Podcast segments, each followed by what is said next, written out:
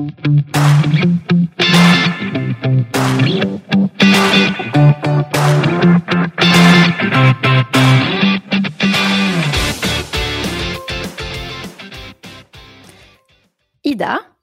Mm. vad är det som får dig motiverad? Det er eh, nye og spennende arbeidsoppgaver som jeg ikke har prøvd før, sånn at jeg kan lære gjennom ny type jobb. Og det er jo noe av det vi skal snakke om eh, i dag, involvering og motivasjon. Precis, och framförallt genom ledaren som frågeställaren. Mm. Og det her det er jo et gedigent tema. Eh, Det er veldig mye forskning på det området her, men vi har nå valgt ut eh, noen tips og triks som gjør at du som leder med ganske enkle grep kan jobbe med involvering og motivasjon. Ja, för ledare ställer faktiskt generellt för få frågor till sina medarbetare. Och istället för att ställa följdfrågor som till exempel, men när du säger så här, vad är det egentligen du menar då?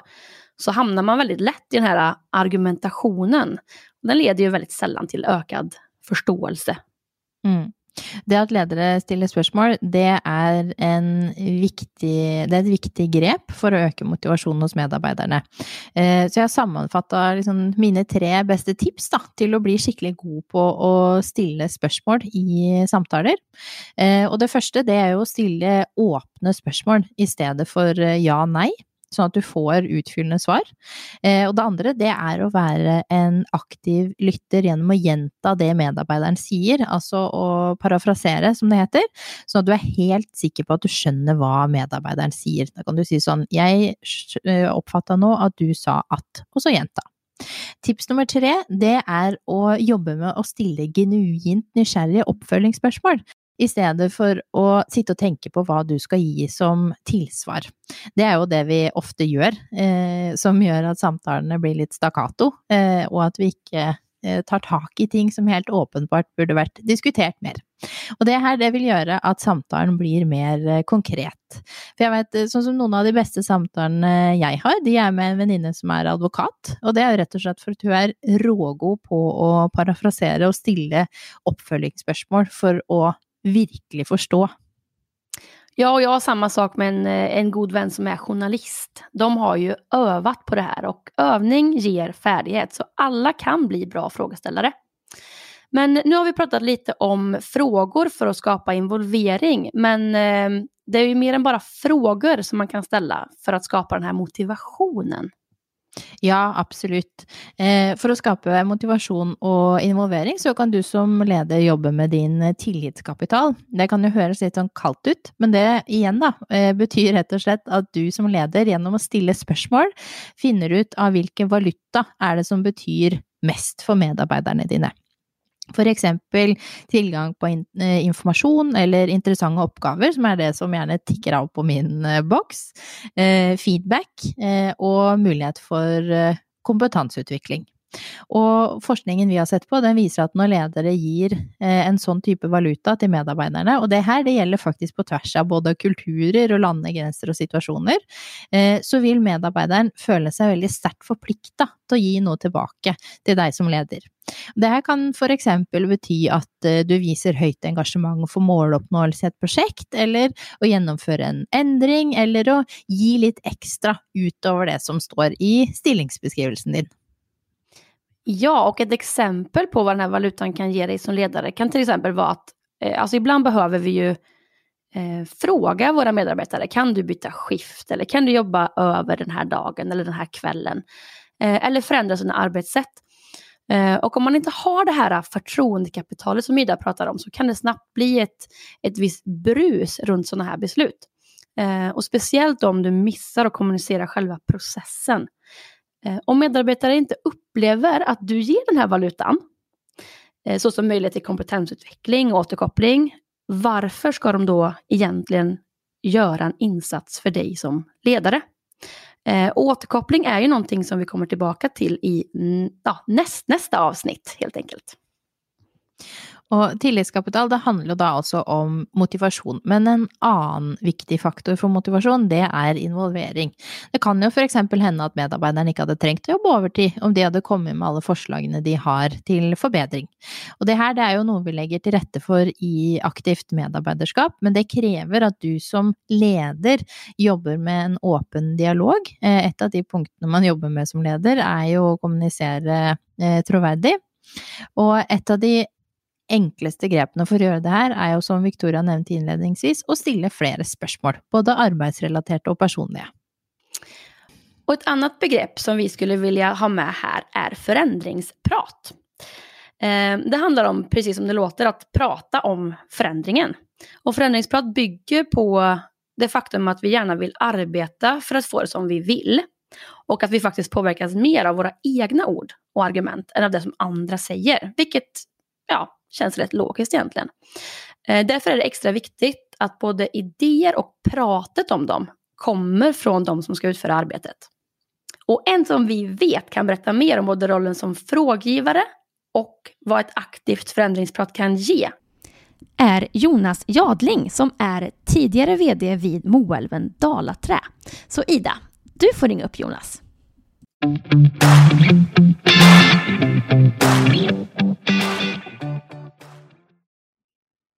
Hei Jonas, velkommen eh, hit til oss på lederkurs. Takk. Det her blir spennende. Vi vet jo at du har jobba veldig mye med å involvere medarbeiderne dine, ehm, blant annet gjennom å ha en sånn veldig tydelig møtestruktur som baserer seg på spørsmål eller frågor. Kan du fortelle litt om hvordan du har jobba i den prosessen, og hvilken effekt det gir dere på Dala 3? Det ska jag absolut göra. Eh, vi har ju en fast eh, frågepunkt varje dag i vår verksamhet där vi efterfrågar avvikelser i säkerhet, kvalitet, leverans och effektivitet. Och de här fyra frågorna som vi ställer varje dag gör ju egentligen att vi varje dag efterfrågar avvikelser och aktiviteter kopplat mot våra värderingar egentligen effekterna det ger oss är ju att varje dag så får ju ledaren eh, chansen att till sin, sitt team efterfråga resultat och avvikelser och efterfråga aktiviteter som medarbetare själva kan utföra inom 24 timmar. Vi får ett högre engagemang, en högre involvering effekterna vi har fått i verksamheten, det ser vi ju framförallt i vårt säkerhetsarbete. Där vi under 2021 har registrerat 418 riskobservationer jämfört då med året innan när vi inte hade den här strukturen då vi endast registrerade 28 risker. Och det skedde ju då bara på skyddsronder till exempel. Effekterna det ger ger oss ju en tydlighet i vad vi talar om och i vilket forum. Dagliga möten, då talar vi detaljer. Veckomöten, månadsmöten, kvartalsmöten, då talar vi mer större projekt och strategier. Det är effekterna vi får i verksamheten. Det er jo utrolig spennende å høre, og spesielt det med sikkerhet vet jeg jo at mange ledere jobber med å se på hvordan de kan eh, få enda flere til å, å både snakke om å være bevisst på risikoer, men også melde det inn. Så det er jo utrolig stilig å høre hvordan spørsmål satt så i system, da, funker. Absolut. Och det fungerar ju. Och det är ju inte bara kopplat mot eh, säkerhet utan det är även kvalitet, leverans. Och det här betyder ju att vi som verksamhet måste också bryta ner vår målsättning på en daglig basis. För oss som ska planera verksamheten så måste vi veta från dag till dag vad är våra leveransmål? Vad är våra effektivitetsmål just idag så att vi relevant ska kunna följa upp den dagen efter och även då också styra verksamhetens resurser kopplat mot vart behovet är som störst för dagen. Och det hörs ju som det ger effekt i hela organisationen deras då. Det gör det. Mm. Men eh, du jobbar ju väldigt sånn bevisst eh, med involvering. Har du tydliga förväntningar till hur medarbetarna under dig ska involvera sig i varandras eh, arbetsvardag? Absolut så har vi en tydlighet i det och i och med den här strukturen så blir det än tydligare. Det blir en helt annan kravställning på dig som ledare. Du som ledare ska ju inte hela tiden efter, eh, ge information utan informationen kommer ju underifrån. Vi tränar medarbetare i att kunna ge svar på sina egna insatser. Och som ledare så får du en helt annan roll eftersom du får en mer coachande roll som ledare. Inte den som utför och fixar allt utan den som faktiskt tränar medarbetarna att bli ännu eh, mer involverade medarbetare. Om vi som organisation är 53 personer, då ska vi vara 53 personer som bidrar till verksamhetens resultat. Alla betyder någonting och alla ska involveras. Du, tusen eh, tack Eh, Jonas. Det här är kjempeinspirerende å høre. Og jeg vet jo at en del av lederne i Moelven har hatt lyst til å høre mer om hvordan dere jobber. Så eh, absolutt flere tips å ta med seg fra deg. Takk, Ida.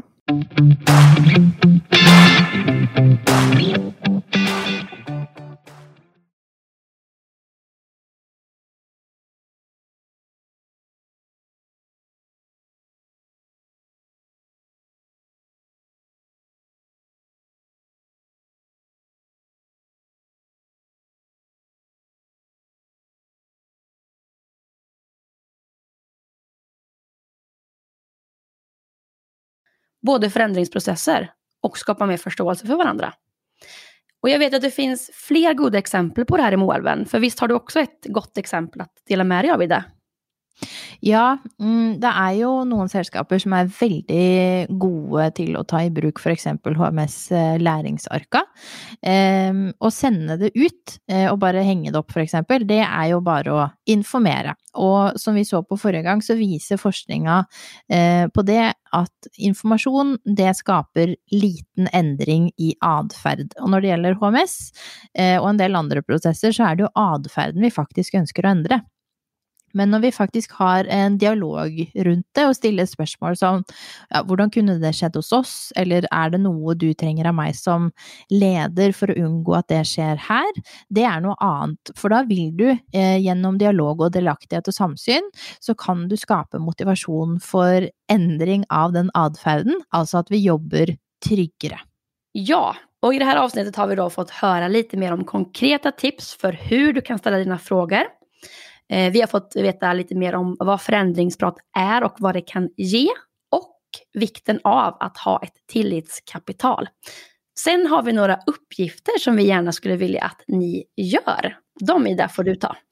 Till detta avsnittet är det två olika uppgifter. Den första handlar om spörsmål, där du dag 1 registrerar hur många du spørsmål du ställer i løpet av en dag.